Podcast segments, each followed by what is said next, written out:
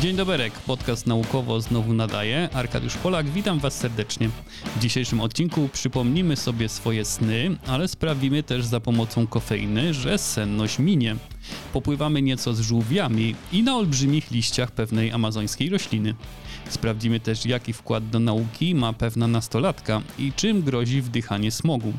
Poproszę Was także o udostępnianie tego odcinka podcastu wśród swoich znajomych, lajkowanie i komentowanie. To bardzo mi pomaga i bardzo Wam za to dziękuję. A teraz zaczynamy nieco sennie. Jak często pamiętacie własne sny? W końcu na spanie przeznaczamy około 1 trzeciej naszego życia, a sam sen jest niezbędny do funkcjonowania. Ale nauka ma ze snem mnóstwo problemów. Na przykład nie są znane żadne neurofizjologiczne objawy sennego marzenia, co oznacza, że nie można mieć pewności, czy dana osoba rzeczywiście śni, czy nie w danym momencie snu. Większość badań nad snem opiera się zatem na raportach ze snów zebranych po przebudzeniu osoby śniącej. I nawet wtedy podstawowym ograniczeniem badań jest to, że brak pamiętania snu nie musi oznaczać braku śnienia w ogóle. I właśnie pytanie, dlaczego niektórzy ludzie przypominają sobie swoje sny każdego dnia, podczas gdy inni prawie nigdy nie pamiętają swoich snów, stanowi zagadkę dla nauki. W nowym badaniu postanowiono sprawdzić, czy istnieją różnice neurofizjologiczne między osobami, które często przypominają sobie swoje sny, a takimi, które tego nie robią, używając technik obrazowania mózgu. 55 uczestników o podobnych cechach osobowości, poziomie lęku, jakości snu czy zdolności pamięciowych podzielono na dwie grupy, w zależności od zdolności do pamiętania o czym śni ostatniej nocy. Po nocy spędzonej w laboratorium uczestnicy zostali poddani trzem skanom rezonansu magnetycznego w celu zmierzenia aktywności mózgu w stanie spoczynku. Wykryto, że u osób, które często przypominają sobie swoje sny, zachodzi większa aktywność w obrębie sieci trybu domyślnego, która odpowiada za działanie mózgu w stanie spoczynku, błądzenie myślami, myśli związane z samym sobą, wnioskowanie, przewidywanie przyszłości i pamięć epizodyczną. Chodzi tu o części mózgu nazywane skroniowo-ciemieniową i przyśrodkową korą przedczołową, w których to naukowcy zaobserwowali zwiększony przepływ krwi. To potwierdziło wcześniejsze badania, jako że uszkodzenia tych obszarów mózgu wiążą się z całkowitym lub częściowym ustaniem przypominania sobie snów, nawet przy braku innych współistniejących zaburzeń. Badanie zdaje się potwierdzać tezę, że częste przypominanie sobie snów powiązane jest z większą kreatywnością i zdolnościami twórczymi, a samo śnienie i twórcze myślenie należą do tej samej rodziny spontanicznych procesów umysłowych. Opierając się na tych i wcześniejszych wynikach, naukowcy twierdzą, że osoby, które w dużym stopniu przypominają sobie senne marzenia, mają specyficzny profil poznawczy i profil funkcjonowania mózgu, obejmujący większą aktywność podstawową i funkcjonalną łączność w tych rejonach mózgu, co z kolei może sprzyjać kreatywności i zdolności do marzeń u tych osób. Badanie ma pewne ograniczenia, a jednym z nich jest trudność w określeniu, czym właściwie jest kreatywność. Jest to z pewnością złożona i wielowymiarowa zdolność, która obejmuje kilka procesów poznawczych i cech, np. pamięć, rozumowanie skojarzeniowe czy elastyczność w rozumowaniu. A wszystko to jest połączone w różnych proporcjach u różnych osób.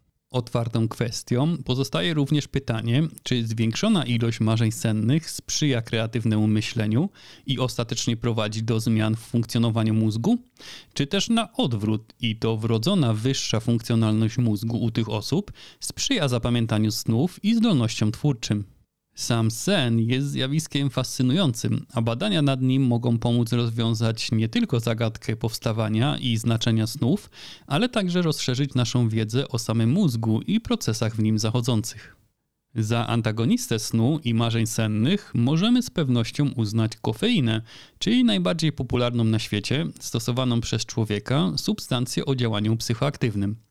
Światowe jej spożycie szacuje się na około 120 tysięcy ton rocznie. Według badań z 2014 roku około 85% populacji Stanów Zjednoczonych spożywa przynajmniej jeden napój zawierający kofeinę dziennie, spożywając jej średnio około 200 mg. Wpływa na sposób, w jaki nasz organizm reguluje senność, ponieważ blokuje receptory adenozyny. Adenozyna to substancja chemiczna, która gromadzi się w ciągu dnia i powoduje, że w miarę upływu dnia czujemy się senni. Kofeina wchłaniana jest w ciągu 45 minut od spożycia, ale zostaje w organizmie na wiele godzin. Pełny metabolizm kofeiny jest uzależniony od wielu czynników, czasem nieoczywistych, takich jak palenie papierosów czy ciąża. U osób zdrowych usunięcie kofeiny z organizmu trwa około 5 godzin, ale u kobiet przyjmujących doustnie antykoncepcję kofeina może krążyć w organizmie nawet do 10 godzin, a u ciężarnych kobiet od 9 do 11 godzin. Dzieci powinny trzymać się od kofeiny z daleka, ponieważ u nich metabolizm tej substancji przedłuża się nawet do godzin 30. Z kolei palacze papierosów szybciej usuwają ją z organizmu.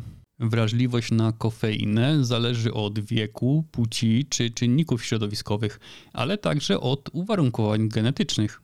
Wykazano, że zmiany w genach CYP1A2 i AHR mają wpływ na to, jak szybko organizm metabolizuje kofeinę.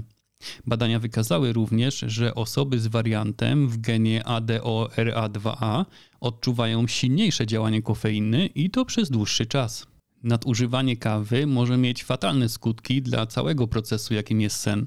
Wpływa nie tylko na problemy z zaśnięciem i długość snu, ale także na jego jakość, skutkując fatalnym samopoczuciem następnego dnia. Badania opublikowane w Journal of Sleep Medicine wskazują, że nie powinniśmy spożywać kofeiny na co najmniej 6 godzin przed snem. Należy również pamiętać, że nie tylko kawa zawiera kofeinę, ale także czekolada czy niektóre napoje gazowane. Czy można jakoś przyspieszyć usunięcie kofeiny z organizmu? Niektóre badania wskazują, że pomóc mogą ćwiczenia fizyczne oraz spożywanie brokułów, kalafiora czy rzodkiewki. Natomiast spożywanie posiłków bogatych w błonnik może spowolnić wchłanianie kofeiny. Tak jak geny mogą wpływać na oddziaływanie kofeiny na nasze organizmy, tak przyczyna tocznia choroby autoimmunologicznej o nieznanych przyczynach również może leżeć w genach. Jest to choroba, w której układ odpornościowy organizmu zaczyna atakować własne zdrowe tkanki i narządy, powodując stan zapalny, zmęczenie, bóle stawów i rumień na twarzy. Trudno ją zdiagnozować, a do jej wywołania może przyczynić się wiele czynników, w tym infekcje wirusowe, niektóre leki i światło słoneczne. Obecnie nie ma natocznia lekarstwa, a leczenie koncentruje się na łagodzeniu objawów. Sama choroba może mieć okresy uśpienia, jak i dużej aktywności. Jak donosi El Pais, wcześniejsze badania wiązały konkretny gen stocznie, ale nie było pewne, czy jest to przyczyna, konsekwencja czy efekt uboczny choroby. Nowe badanie zidentyfikowało nieznany wcześniej wariant tego genu u hiszpańskiej nastolatki, u której w dzieciństwie zdiagnozowano toczeń. To właśnie w jej genomie badacze znaleźli pojedynczą mutację genetyczną, która aktywuje w błonach komórkowych receptor TLR7. Receptor ten jest zwykle wykorzystywany do rozpoznawania groźnych wirusów, ale u nastolatki reaguje na jej własne DNA i rozpoczyna atak na jej własne narządy, niszcząc płytki krwi, co powodowało obfite krwawienia i siniaki na całym ciele. Aby sprawdzić, czy mutacja ta rzeczywiście była przyczyną choroby, badacze odtworzyli tę samą mutację u myszy. I ich przypuszczenia potwierdziły się, u myszy rozwinął się toczeń. Co więcej, może to wyjaśniać, dlaczego częściej na tocznia i inne choroby autoimmunologiczne zapadają kobiety. Gen z instrukcjami tworzenia TLR7 znajduje się na chromosomie płciowym X, którego kobiety mają dwie kopie, podczas gdy mężczyźni tylko jedną. Naukowcy mają nadzieję, że odkrycie mutacji u tej jednej nastolatki może doprowadzić do opracowania lepszych narzędzi diagnostycznych, terapii tocznia czy innych chorób autoimmunologicznych, choć przyznają, że odkryte powiązanie może nie być jedynym i wymaga dalszych badań. Tym bardziej, że trwają badania kliniczne nad lekiem, który jest inhibitorem TLR7 i przeznaczony jest do leczenia tocznia u osób dorosłych. A ponieważ gen ten jest związany również z innymi zaburzeniami autoimmunologicznymi, może pomóc naukowcom lepiej zrozumieć i leczyć takie choroby jak reumatoidalne zapalenie stawów i cukrzyca typu pierwszego. A teraz przeniesiemy się do głębin oceanu, aby śledzić żółwie, bo sposób nawigacji zwierząt przez ocean do odległych często miejsc pozostaje zagadką od ponad 150 lat. Żółwie morskie są znane z tego, że są w stanie migrować na ogromne odległości przez ocean, często lądując na małych i odizolowanych wyspach daleko od innych miejsc. Wcześniejsze badania terenowe potwierdziły istnienie nawigacji geomagnetycznej u żółwi morskich, a podobne wyniki uzyskano u innych długodystansowych nawigatorów. Ale nie ma pewności, czy ten zmysł jest bardzo dokładny, umożliwiając precyzyjną, punktową migrację, czy też jest to bardziej surowa mapa, która umożliwia zwierzętom utrzymywanie się w przybliżeniu na właściwej ścieżce. Zresztą nie tylko o żółwie tu chodzi. Zmiany natężenia i kierunku pola magnetycznego Ziemi są wykorzystywane przez wiele gatunków, aby zorientować się, w którą stronę należy podążać. Ryby, ptaki i ssaki morskie często odbywają powtarzające się migracje pomiędzy specyficznymi dla siebie obszarami lęgowymi i żerowiskami. Niektóre zwierzęta prawdopodobnie dobrze pamiętają przebyte wcześniej trasy migracji, a na ich przebieg mogą mieć również wpływ rodzice i inne osobniki podobne do nich, jak ma to miejsce u niektórych ptaków lądowych. Nowe badanie wzięło pod lupę żółwie szylkretowe, wyróżniające się długim, zakrzywionym ku dołowi dziobem. 22 osobniki tego gatunku wyposażono w nadajniki GPS, aby sprawdzić, jakimi trasami wracają na swoje pierwotne żerowiska po odbyciu godów i lęgów. Gatunek ten migruje na stosunkowo krótkie odległości do odizolowanych celów na Oceanie Indyjskim. Istnienie rozległych żerowisk i obszarów lęgowych na odizolowanych terenach oceanicznych sugerowało, że poszukiwanie celów w końcowych etapach migracji jest powszechne u żółwi morskich. Opierając się na tych wcześniejszych ustaleniach, badacze wzięli pod lupę dwie alternatywne hipotezy. Albo żółwie mają czuły zmysł mapujący i poruszają się wówczas prosto do celu, albo ich zdolność do odnajdywania drogi jest bardziej ogólna i muszą wówczas odbyć dłuższą drogę, aby dotrzeć do celu. Okazało się, że śledzone żółwie często pokonywały okrężne trasy, aby dotrzeć do docelowych miejsc. Na przykład jeden osobnik przebył ponad 1300 km, podczas gdy linia prosta do miejsca żerowania wynosiła tylko 176 km. Choć niektóre żółwie podążały dość bezpośrednimi trasami do celu, przykłady takich ścieżek były rzadkie. Tylko 4 z 22 żółwi wybrało taką drogę. Wyniki badania sugerują, że zdolności nawigacyjne żółwi morskich są dalekie od doskonałości. Nawet stosunkowo krótkie migracje oceaniczne mogą stanowić dla nich poważne wyzwanie. Wydaje się raczej, że żółwie dysponują surową mapą geomagnetyczną o rozdzielczości wielu dziesiątek, a nawet kilkuset kilometrów i często dopiero gdy znacznie zbaczają z kursu, korygują kierunek. Praca zawiera także inne wnioski, wskazujące na przykład, że ich okresowe wynurzanie się na powierzchnię i mała prędkość przemieszczania się oznaczają, że wykrycie śladów zapachów pochodzących z lądu jest prawdopodobnie trudniejsze dla żółwia morskiego niż dla latającego ptaka i raczej nie jest wskazówką wykorzystywaną do nawigacji. Także prądy morskie nie odgrywają w żółwich podróżach dużej roli. Ptaki i owady potrafią dostrzec kierunek wiatru przed rozpoczęciem migracji, czasem prawdopodobnie próbując wiatrów poprzez wznoszenie się przed podjęciem decyzji o rozpoczęciu wędrówki. Gdy żółwie znajdują się blisko brzegu, prawdopodobnie nie są w stanie dostrzec prądów oceanicznych, które napotkają na swojej drodze. Wydaje się więc, że żółwie nie optymalizują swoich tras w odniesieniu do najbardziej korzystnych prądów oceanicznych. Zostańmy jeszcze w świecie pływających organizmów, ale tym razem przyjrzymy się roślinie, a konkretnie Wiktorii Królewskiej, występującej w dorzeczu Amazonki w Ameryce Południowej. Ta olbrzymia roślina wytwarza jedne z najbardziej zdumiewających osiągnięć inżynierii naturalnej.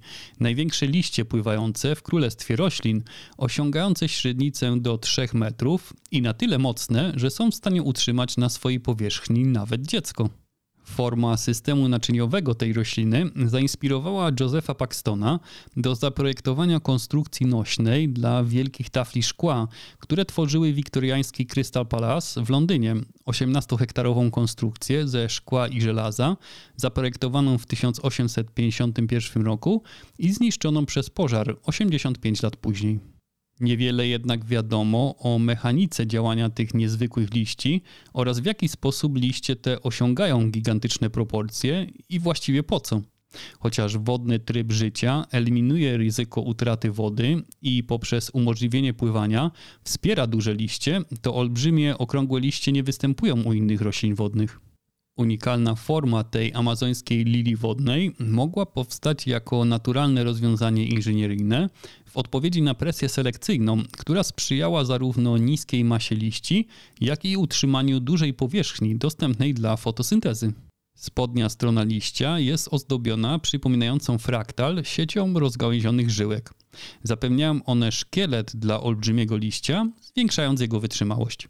Sztywna architektura naczyniowa sprawia, że roślina zużywa mniej energii na utrzymanie swego rozmiaru niż inne lilie wodne, więc zapewnia dużą wytrzymałość przy niskich kosztach utrzymania takiego organizmu. I znów ludzie mogą wyciągnąć wnioski z naturalnego projektowania nie tylko w architekturze, ale także stosując takie rozwiązania inżynieryjne. Na przykład przy projektowaniu pływających platform do produkcji energii odnawialnej, morskich turbin wiatrowych i urządzeń do konwersji CO2 wydobytego z wody morskiej w paliwo syntetyczne. A na koniec szybki rzut oka na badanie przeprowadzone w Chinach. Wiemy, że prawidłowe odżywianie się, ćwiczenia fizyczne czy unikanie palenia tytoniu mogą przyczynić się do poprawy funkcjonowania układu krążenia i zdrowia naszego serca. Natomiast zanieczyszczenie powietrza jest czynnikiem niekorzystnym. I to właśnie tym zajęto się w badaniu przeprowadzonym wśród ponad miliona 290 tysiącach pacjentów z 2239 szpitali w 318 chińskich miastach. Badanie prowadzono między styczniem 2015 roku a wrześniem 2020 roku, chcąc potwierdzić związek między krótkotrwałym narażeniem na zanieczyszczenie powietrza atmosferycznego a ostrym zespołem wieńcowym. Zbierano także dane dotyczące zanieczyszczeń, a mianowicie godzinowe stężenia drobnego i grubego pyłu zawieszonego, dwutlenku azotu, dwutlenku siarki, tlenku węgla i ozonu.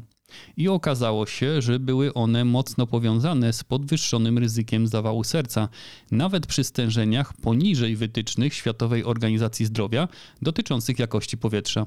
Wszelkie stężenia zanieczyszczeń powietrza odnotowane w tym badaniu mogą potencjalnie wywołać początek zawału serca i to już w ciągu godziny od narażenia się na nie.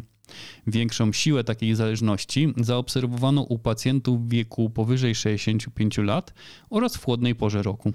A ze względu na ogromną ilość samochodów i intensywność przemysłu, Chińczycy są szczególnie narażeni na smog i konsekwencje wynikające z zanieczyszczenia powietrza.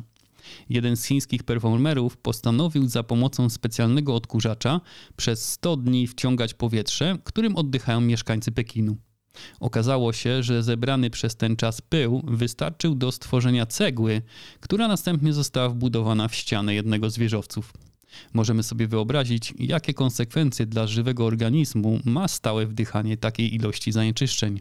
I to wszystko w dzisiejszej audycji. Dbajcie o siebie i nie zapomnijcie o kolejnym odcinku podcastu naukowo już w najbliższą sobotę. Planuję w nim dla Was małą niespodziankę. Dziękuję za uwagę i do usłyszenia.